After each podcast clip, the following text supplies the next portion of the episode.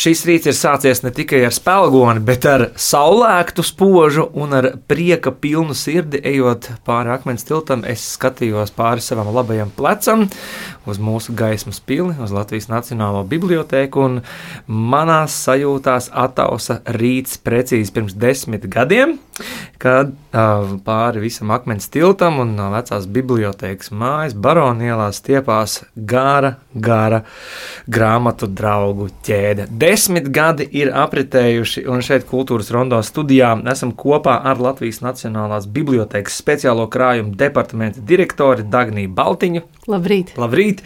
Ar Latvijas Nacionālās Bibliotēkas vadošo pētnieku Paulu Daju. Labrīt! Labrīt! Un Brigitu Zelči aizpuri Latvijas Nacionālās Bibliotēkas izstāžu centra vadītāju un mākslinieci. Labrīt! Apsveicu pirmkārt! Paldies! Desmit gadi tas ir daudz vai maz? Daudz, man liekas, beigās. Pirmie, ir daudz. Pirmie desmit. Jaunajā ēkā desmit, jā. Jaunajā ēkā desmit. Uh, par tām sajūtām, kas jūsos katrā ir subjektīvi par to dienu, par to uh, laiku 2014. gadā, jo es atceros, ka temperatūras ziņā bija augstāks, bija nežēlīgs spēlgons ārā. Man liekas, ka tā grāmatā draugu ķēdē tas spēlgons ir kļuvis gan izvēle par simbolu, un tā gaišā diena ar to augstumu un milzīgo dzidro gaisu. Ļoti piestāv šai jubilejai, man liekas. Un arī šodien līdz ar to tā nav nejaušība, visticamāk, ka diena sev mazliet atkārto. Brīdi. Jā, 2014. gadā man bija ļoti, ļoti maziņš bērns, un es to varēju novērot tikai attālināti, bet es atceros, kā, kā lielākā daļa manu draugu paziņu un eh, dažni dažādu profesiju pārstāvi metās eh, piedalīties tajā notikumā, kas vienoja tiešām neskaitāmus cilvēkus. Pau! Jā, ir tā, ka es arī ļoti labi atceros to dienu. Un, uh, tā mana sajūta bija, ka tas būs kaut kāds uh, svarīgs pagrieziens ne tikai kultūrā, par ko mēs visi to laiku runājām, un ar ļoti gaidījām, eh, bet arī varbūt manā dzīvē pagrieziens. Un tajā brīdī es vēl nestrādāju Nacionālajā bibliotekā, bet šajos desmit gados jau arī pati biblioteka ļoti mainījusies un daudzajā nozīmē arī kļuvusi vēl lielāka. Skatoties uz to krājumu, uz tautas grāmatu plauktu, kas ir savākts, sakrāts šajos desmit gados, Es nezinu, es baidos spriest, cipari ir iespējīgi vai nē, bet uh, 7722 izdevumi šobrīd ir plauktā. Uh, vissenākais dāvinājumā saņemtais ir 1746. gadā izdota Bībele latviešu valodā. Um, uh, vispopulārākais dāvinājums ir Aleksandra Grīna romāns Dvēseli putenis. Tie ir veseli 41 eks eksemplārs. Jums tagad, ja gadījumā 41 lasītājs vienlaicīgi gribētu, tad, tad varētu dabūt. Un visplašāk pārstāvēt ir Raina darbi. Kādi vēl uh, jaunumi un kas, uh, ko jūs cerat, ar ko papildināsiet uh, tautas grāmatu lauku? Es domāju, ka tautas grāmatu plaukta pievienotā vērtība ir mazliet vienmēr tas pārsteiguma moments, kad tas dāvinātājs atnes to savu grāmatu, un lai kāds būtu tās grāmatas nosaukums, tieši tas ieraksts un veltījums ir tas, kas šo grāmatu padara tik īpaši tautas grāmatu plauktā. Jo katram ir bijusi kaut kāda sava um, vēsture tam, kāpēc šī grāmata viņa rokās ir iegūlusi tik, uh, ar tik nozīmīgu spēku. Tas pats dvēseli putenis, tie stāsti ļoti dažādi. Bet tautas grāmatu plaukts man ir īpaši arī to, ka mēs esam ļoti gandarīti, ka pēdējos gados tas ir kļuvis par nozīmīgu arī diplomātisku pieturas punktu. Um, tas ir Tas ir punkts, kurā arī starptautiskie viesi dāvina Latvijai savas grāmatas. Uh, un es ceru, ka arī daudzās ģimenēs tas var kļūt par skaistu tradīciju, kā atzīmēt dažādas pieturas punktus dzīvē. Jaunais Dainis Kapis. moderno laiku. Um, par akciju, par šo atkārtojumu. Uh, spēlgonī nedzīsiet šoreiz. Spēlgonī nedzīsiet. Jā, bet, bet ies... rīt stāvēsim atkal un mēģināsim. Iespēja būs, varbūt sīkāk par to.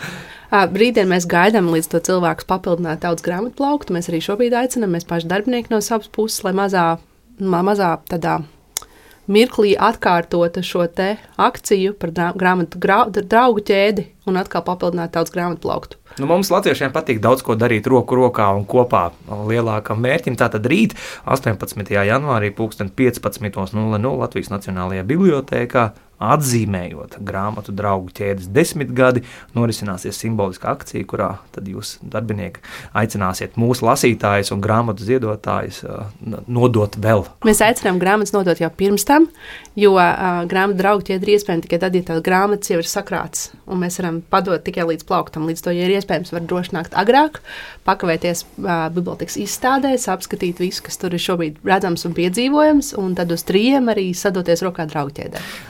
Toreiz, pirms desmit gadiem, tie bija aptuveni 15,000 cilvēku, kas sadavās grāmatu grāmatā.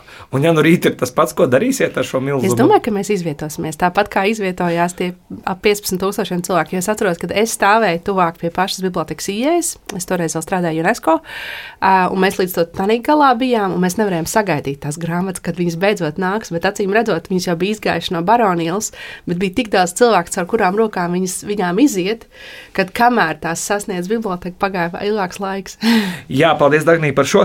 Un, um, tagad ieskatīsimies desmit gadus senā vēsturē, bet tik dzīvā, kā tas būtu noticis vakar. Mirklis pirms vēsturiskā brīža, kad tautas grāmatu plauktā nonāks pirmā grāmata, un uh, ieklausāmies fragmentā no kultūras un ondo tiešraides no grāmatu draugu ķēdes pie Latvijas Nacionālās bibliotēkas 2014. gada 18. janvārī, un pie mikrofona dzirdēsiet Zikrīdu Muktpāvelu.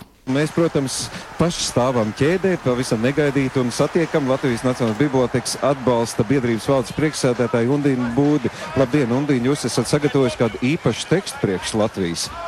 Labdien! Jā, īstenībā man liekas, ka tas ir ļoti piemērots. To ir teikusi Zenta Mauriņa. Un šajā sakarībā man liekas, ka tas ļoti piestāv. Pirmkārt, apsveic mūs visus ar šo skaisto saulaino dienu. Un tā tad ikdienas dzīvē Latvijas Latvijas pārprot, nosoda un pat apkaro bet lasot dainas un mūsu izcilāko dzinieku darbus, mēs jaušam, ka par spīti mūsu saurūpībai un mūsu ēža kažociņiem kaut kas mūsos ir kopīgs, un no šīs kopības nezūdāmais īpašums mūs paglābs no bojā ejas, ja mēs to sargāsim tīrās un stiprās rokās. Un ir tāds prieks par šīm tīrajām un stiprajām rokām, ka, ka man vairāk arī nav ko teikt. Jūs visu laiku smaidāt, jums šodien ir svētki. Protams, ilgi gaidīt. Svētki. Jā, jā, jā. Karīnai Petersonai, labdien! Labdien! Es apsveicu arī jūs, vai jūs arī pieķersieties tai pirmai vai kādai grāmatai ķēdē? Jā, es ļoti gribu, es esmu paņēmis līdzi labus un izturīgus cimdus, jo es arī esmu uzaugusi grāmatu pasaulē un, un bibliotekas lietu ļoti, ļoti pie sirds. Bet man liekas, ka mums šodien nu, ir jādomā arī par tādām simboliskām lietām, ko mums visiem biblioteka grib pateikt, jo arhitekts ir ielicis šajā tēlā, nu, to, ka jātiec ir augšu, bet tas ceļš augšu ir ļoti grūts un viņš ir jāiet caur zināšanām. Ja mēs to spēsim, tad mums būs nākotne. To es gribu mums visiem novēlēt. Es vienkārši atceros, ka teica stāvēja mums barikādēs. Es biju Baltijas ceļā vēl kā meitene. Un tad es gribēju savus bērnus vienkārši iesaistīt šajā uh, tādas latviešu stipruma akcijā. Un es gribu, lai viņi atcerās šo pasākumu nu, ilgi, ilgi, ilgi, ilgi. Tā kā es strādāju pati bibliotekā, tikai Rīgas Tehniskajā universitātē, nu, man liekas, tas ir tāds atbalstīt kolēģus, tas, tas tāds notikums vienu reizi mūžā, man liekas, un man liekas, ka meitai arī tas būs piedzīvojums. Tas ir gods piedalīties, man liekas, šādā pasākumā. Mēs esam satikuši arī Ilmāra Punkūra, labdien, Ilmāra. Mēs esam citos apstākļos tikuši. Vai šodien dejosiet arī, vai deja būs ar grāmatām? Labrīt, mēs jau mazliet iesildījāmies un uzdejojām. Es domāju, mēs uzdejosim arī ar grāmatām, jo būtībā tas viss, kas šodien notiek, tā tāda liela. Varētu teikt, deja. Tā kā deja ir rituāls, un arī tas, kas šodien notiek, ir rituāls. Bet, lai tas viss notiktu, ir vajadzīgi daudz, daudz, daudz mazu čaklu rociņu, kas to palīdz. Mums ir tā fantastiskā veiksme mazliet palīdzēt saorganizēties tajā milzīgajai cilvēku ķēdei Jo nu, tas kaut kas tāds notiek pirmo reizi, un arī paši rīkotāji ir nedaudz samulsuši no tā lielā ļaužu daudzuma, kas ir jānostāda katrs savā noteiktā vietā, lai tas viss sāktu darboties. Es saprotu, jūs arī mūziku meklēsiet šajā ēkā, kad tā darbosies pilnvērtīgi. Ir tādi plāni? Noteikti, noteikti. Un, un, un patiesībā es esmu milzīgi laimīgs un gandarīts, ka beidzot mums ir sava nacionālā biblioteka, par kuru nav jākaunās, kurā var droši ieiet, nečīkstot grīdā. Es ceru, ka tur notiks daudz fantastisku lietu. Daudz fantastisku lietu desmit gados ir notikušas, un nākamajos desmit solās notikt vēl. Latvijas Nacionālās Bibliotēkas jaunās ēkas pirmā desmitgade grāmatu draugu ķēdes pirmā desmit gada, kas zina, varbūt mēs iedibināsim tradīciju to darīt ik gadus. Šeit kultūras rondā esam kopā ar Latvijas Nacionālās bibliotēkas speciālo krājumu departamentu direktoru Dagniju Baltiņu, ar uh, vadošo pētnieku Paulu Daju un ar uh, izstāžu centra vadītāju bibliotēkā Brigitu Zelču aizpuri. Par svētku gadu, respektīvi, tātad, līdz ar rītdienu, ar 18. janvāri, aizsākas nu, gandrīz gada, gada griezumā ilga, ilga izstāde, ekspozīcija. Ja latviešu grāmatai 500 ietvaros teksts mūs neinteresē. Diezgan pretenziozs brigitjās. Jā, mēs cerējām, ka nosaukums radīs kādus jautājumus. Jo šajā izstādē tiešām beidzot teksts mūs neinteresē. Mēs skatām grāmatu kā fizisku objektu. Par to sīkāk mūsu kolēģis Laimas Slavas stāstījumā būs dzirdams, bet kas vēl no ekspozīcijām? Šogad mums ir paredzētas lielas izstādes. Mums uh, ir teksts, mūs neinteresē, kā jau tu minēji. Tad mums ir izstāde ieskaņot un atskaņot. Tas izstāde par uh, mūzikas nesējiem, kā cilvēka dzīve ir mainījusi uh, tehnoloģiskā attīstība. Sākot no fonogrāfa līdz uh, mūzikas centram, mēs neskatām digitālo. Mēs skatām tikai tav, tav, to, ko tu vari sataustīt. Tātad sākumā uh, fonogrāfs bija ļoti mazai privileģētai cilvēku grupai, un ap to uh, aparātu sanāca cilvēki. Ļoti daudz sanāca dzimta, pēc tam uh, attīstās tehnoloģiski uh, aizvien uh, lie, lietas, kuras uh, atskaņo mūziku. Kļūst lētākas, tad cilvēki var, var vairāk viņas iegādāties. Tas nozīmē, ka cilvēku skaits, kas kopo, kopā sēž ap to aparātu, samazinās. Un līdz mēs aizējām līdz austiņām, ka tu esi viens un pats sev izvēlies e, mūziku, un esi pilnīgi nošķirts no sabiedrības, no tavas kopienas.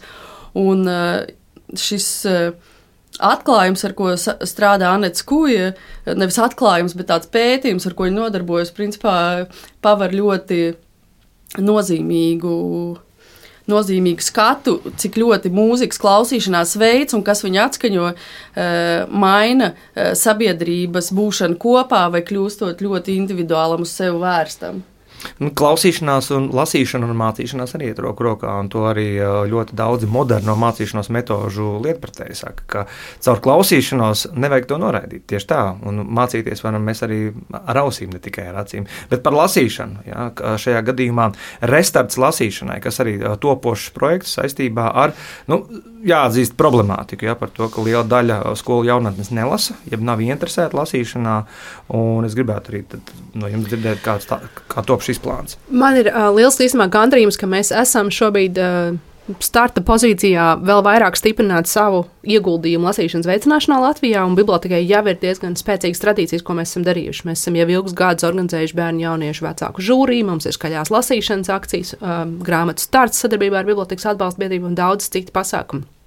Bet, protams, tam ir bijusi nepieciešama vēl papildus starmešu gaisma, atbalsts, ierosme turpināt šo darbu. Un līdz to arī šogad uh, programma Restarts, ko mēs uzsāksim, uh, vēl vairāk izcels un veicinās to, ka mums ir jāveicina lasīšana sabiedrībā. Tas arī saskan, kas ir īstenībā ļoti interesanti ar grāmatas 500 gadus šī gada tēmu, kas ir tieši veltīta, bibliotekām un lasīšanai. Uh, um, un parāda, ja mēs grāmatu 15 gadus kontekstā tieši esam mēģinājuši meklēt tos ceļus, kā vēsturiski mēs varam pierādīt un apliecināt, cik tomēr lasīšanas kultūra, grāmatu paradumi ir nozīmīgi mūsu kā gan uh, sabiedrības veidošanas procesos, uh, gan arī mūsu kā sabiedrības pašapzināšanās procesos.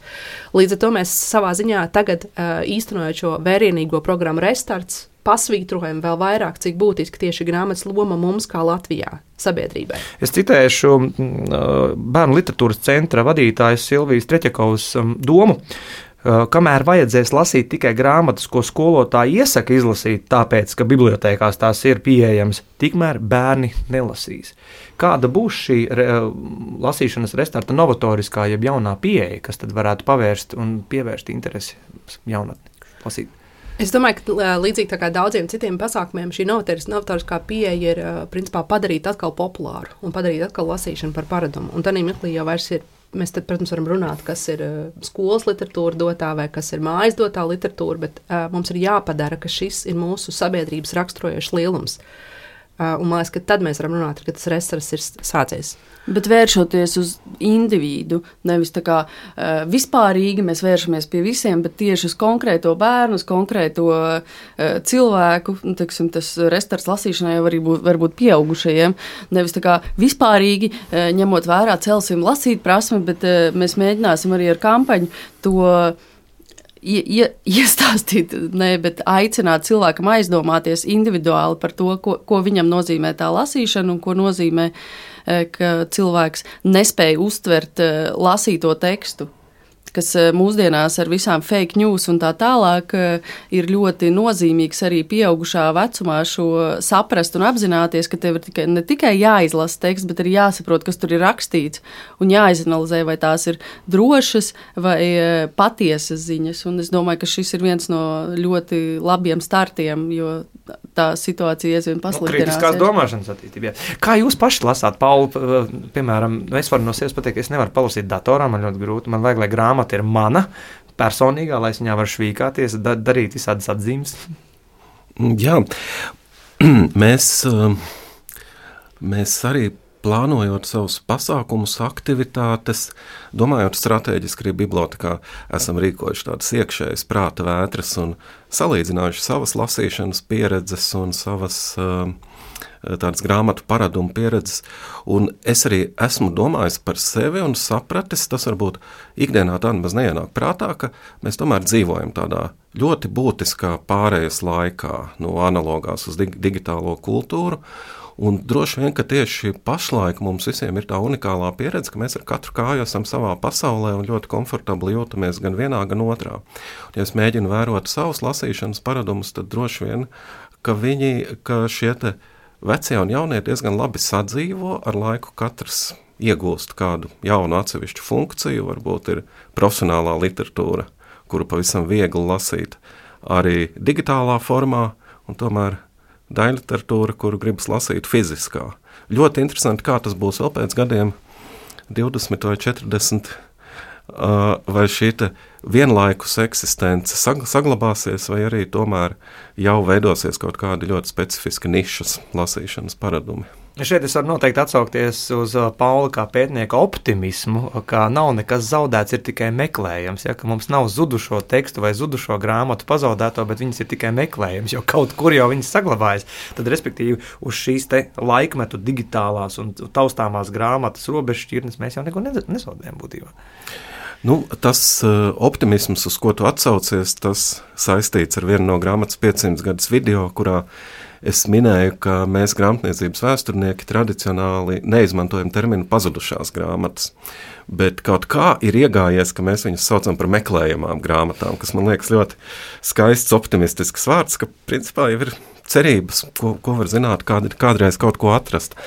Man ļoti arī skatoties vēsturē, uz tehnoloģiju pārmaiņām, vēsturē, man ļoti negribētos iet tādu pesimisma ceļu, jo es eh, neesmu pārliecināts, ka uh, grāmatu un lasīšana izzudīs. Tas, kas drīzāk notiks, būs kaut kāda funkciju paraduma maiņa, un tas ir kaut kas, ko īstenībā prognozēt ir ļoti grūti. Tur vislabākais veids jau, man liekas, mums katram skatīties pašam uz sevi un to, kā mainās mūsu ikdienas paradumi.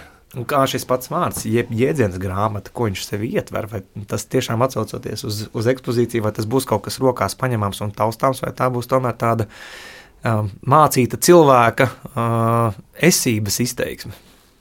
Es domāju, ka grāmata ir uh, jebkurā veidā ir zināšanu izplatīšana. Un uh, jebkurš veids, uh, kā tiek izplatīts kvalitatīvas zināšanas un nodotas, ir atbalstāms. Uh, formai nav nozīmes īsti šajā gadījumā. Es barojot meitu, izlasīju telefonā visas latviešu pieejamās Umberto Eko grāmatas. Nu, Bišķiņi zaudēju redzi, bet, bet es nedomāju, ka, ka tādā veidā es varēju reāli izlasīt, jo bija ļoti ērti. Tas bija supermazs formāts, viegli turēt rokās. Es nevarētu turēt rokās un barot kādu. Tāpēc uh, mērķis tika sasniegts. Es guvu baudījumu no izlasītā materiāla. Atgriežoties pie pētījumiem, desmit gadi, Gunārs Birka, simts gadi gaidām, bet tieši tas, kas notiek varbūt bibliotēkas apmeklētājiem aizklātajā teritorijā, kādi ir plāni tieši pētnieciskajā virzienā? Patiesībā ir tā, ka ļoti daudzi mūsu pētnieciskie mērķi satiekas vienā punktā, un tas ir saistīts ar to, ko manas kolēģis jau pieminēja. Tā ir lasīšanas, lasīšanas paradumu ne tikai veicināšana, bet arī tāda apjēgsme, sapratne un vēsturiskā izpēte. Man liekas, ir ļoti svarīgi, ka. Mm, lasīšana pieder pie tām diezgan unikālajām nodarbēm, kas vienlaikus, kā Brigita teica, sniedz zināšanas, kas paplašina mūsu redzesloku, uh, padara mūs uh, gudrākus, vienlaikus sniedz baudu un prieku. Nav nemaz tā, ka visas lietas, kas sniedz baudu un prieku, dod arī labumu un otrādi. Uh, bet uh, tas, man liekas, ir kaut kas, kas arī vēsturē lasīšanu ir padarījis par ļoti nozīmīgu spēku. Tas, ka viņi var, varēs darboties vairākos virzienos vienlaikus. Un mēs jau to redzam arī latviešu grāmatas vēsturē pirms 500 gadiem. Eiropas sabiedrība jau lielākoties lasīt un rakstīt neprata. Un tad mēs šajā attīstībā redzam, uh, kā ir augusi lasīt prasme un kā tas ir mainījis. Uh, kā tas ir mainījis ne tikai mūsu kā cilvēkus, bet arī uh, sabiedrību kopumā. Un ir skaidrs, ka jo vairāk mēs lasām, jo vairāk mēs kļūstam par uh, savādākiem cilvēkiem, mēs sākam savādāk domāt, savādāk pieņemt lēmumus.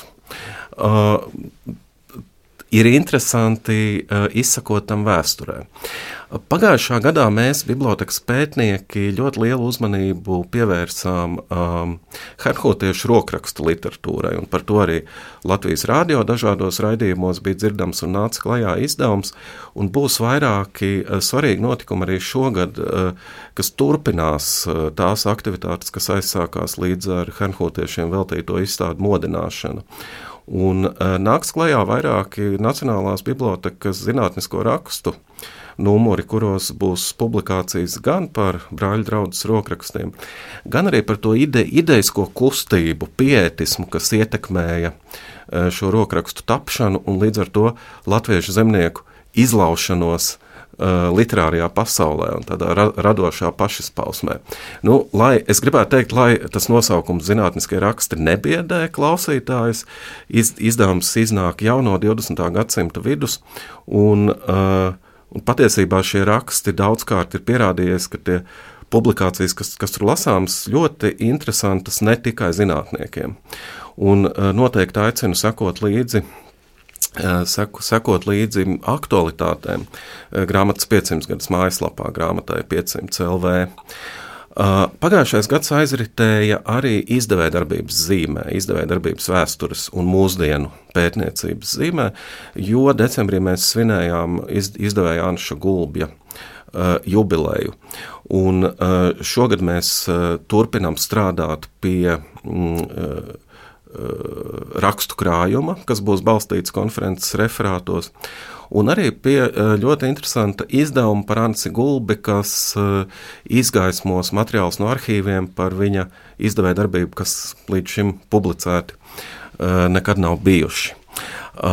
Jā, un vēl arī virkni citu aktualitāšu, kur ļoti svarīgi paturēt prātā. Un es domāju, ka ir daudz radioklausītāju, kas to jau labi zina, kam tas nav jāsaka, ka mēs ne tikai lasām grāmatas bibliotekā, ne tikai krājam, bet arī publicējam grāmatas. Un arī mums ar Dagniju un Brigitu šobrīd uz galda mūsu darba vietās ir gan jau maketi, gan manuskripti, eh, kuri šogad ieraudzīs dienas gaismu. Kādi?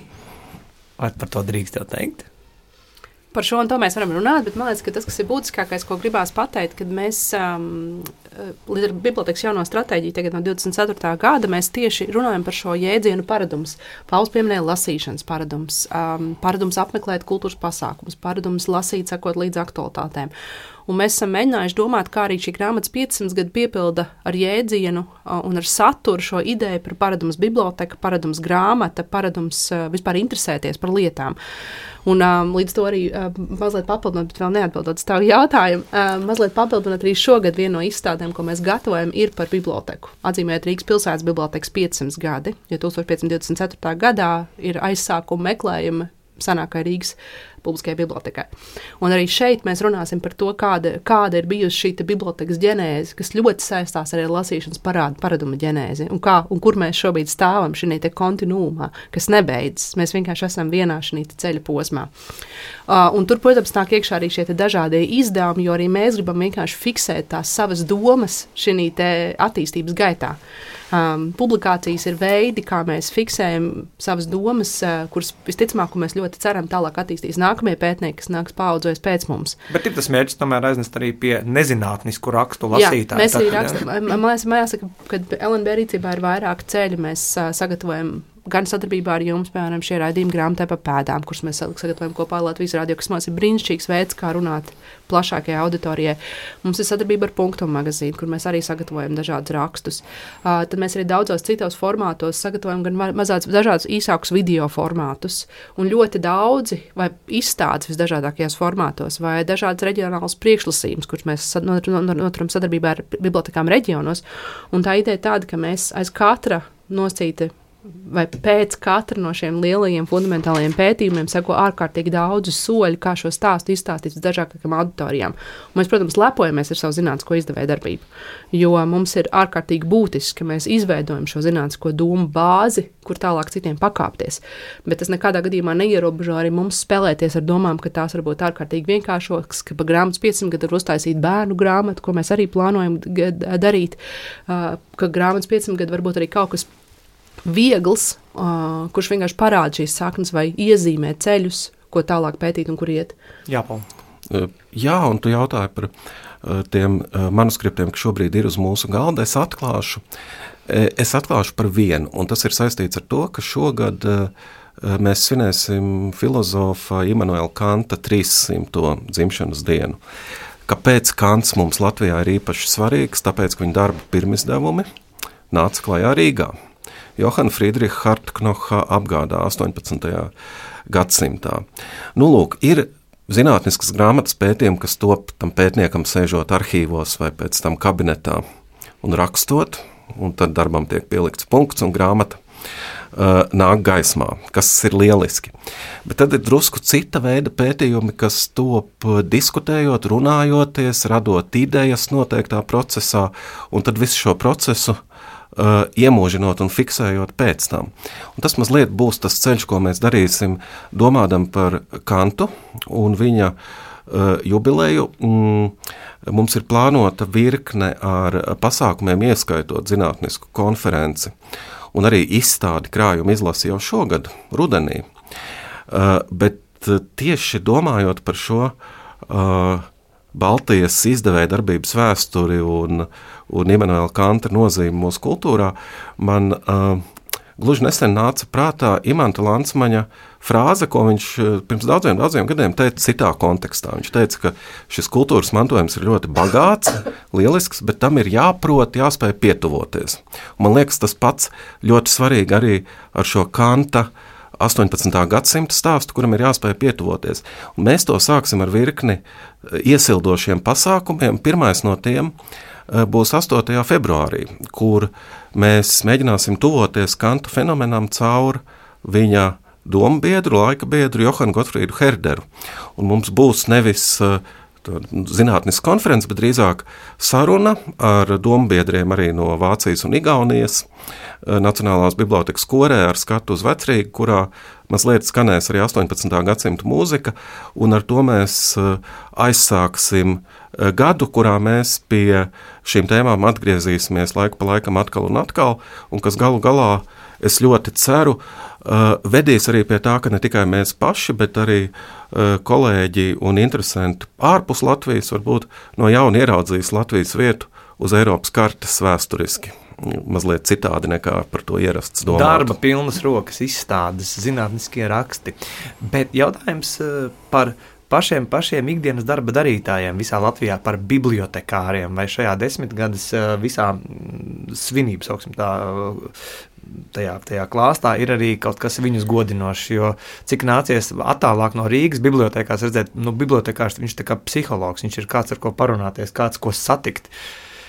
Nu, man liekas, ka visas, ne tikai desmitgades gaismas pilī, bet vispār visa grāmatas 15 programma ir ārkārtīgi vērsta uz to, lai stāstītu šos Latvijas tieši reģionu stāstus. Jo šobrīd varbūt mēs esam ārkārtīgi Rīgā centrēti, bet tad, kad mēs paskatāmies Latvijas grāmatniecības vēsturē, mēs redzam, cik ārkārtīgi daudzveidīgi bija šī grāmatniecības un lasīšanas un grāmatu izdošanas, grāmatu ražošanas, grāmatu rakstīšanas dzīve tieši ārpus Rīgas.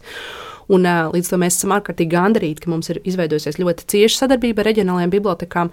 Un mēs īstenojam gan vairākus projektus kopā ar viņiem, viņiem pašiem organizējot dažādus gan notikumus, gan lasījumus, gan um, izpētes projektus par saviem vietējiem, gan, gan, gan bibliotekāriem, gan aizmirstiem biblioteku vēstures stāstiem, um, gan izdevējiem vietējiem. Šogad mums ir fokusā bibliotekas. Uh, mēs centīsimies uzrunāt uh, un tā kā uzjundīt atmiņas un fiksēt šos aizmirstos biblioteku stāstus gan no pirmajiem gadiem, gan par dažādiem īpašām personībām, gan varbūt par slēptajām grāmatām, atrastajām grāmatām. Centīsimies šo stāstu kurināt un aicināt par tiem runāt un par tiem stāstīt. Līdz ar to es domāju, ka grāmatas 500 gadus programma kā tāda nav iespējama bez mūsu brīnišķīgiem sadarbības partneriem visās reģionālajās bibliotekās. Runājot par um, stikla kalna mirdzumu, rainiski izsakoties. Desmit gadu laikā jaunā ēka vai no kultūras politikas un no kultūra telpas funkcionalitātes viedokļa raugoties, ne tikai ēka, bet šī vieta ir kļuvusi par šo vēlamo portālu, par šiem jaunajiem Daugavas kreisā krasta delfiem. Es domāju, ka iekštelpas e, nevienam nerada e, nekādus jautājumus, un cilvēki tiešām ļoti labi jūtās bibliotekā un lasītavās, un arī kopumā ēkā. E, ārtelpā mēs joprojām ceram, ka Rīgas doma mūs saklausīs un sakārtos gājēju pārēju, brīnišķīgu tramvaju pieturu, lai cilvēkiem nešļakstās dubļi no brīnišķīgajām mašīnām, kas brauc garām. Un, uh, mēs, nu, tagad jau mēs redzam, kā mainās uh, Daugavas uh, promenāde. Mēs noņemsim visus uh, nevajadzīgos simbolus no margām.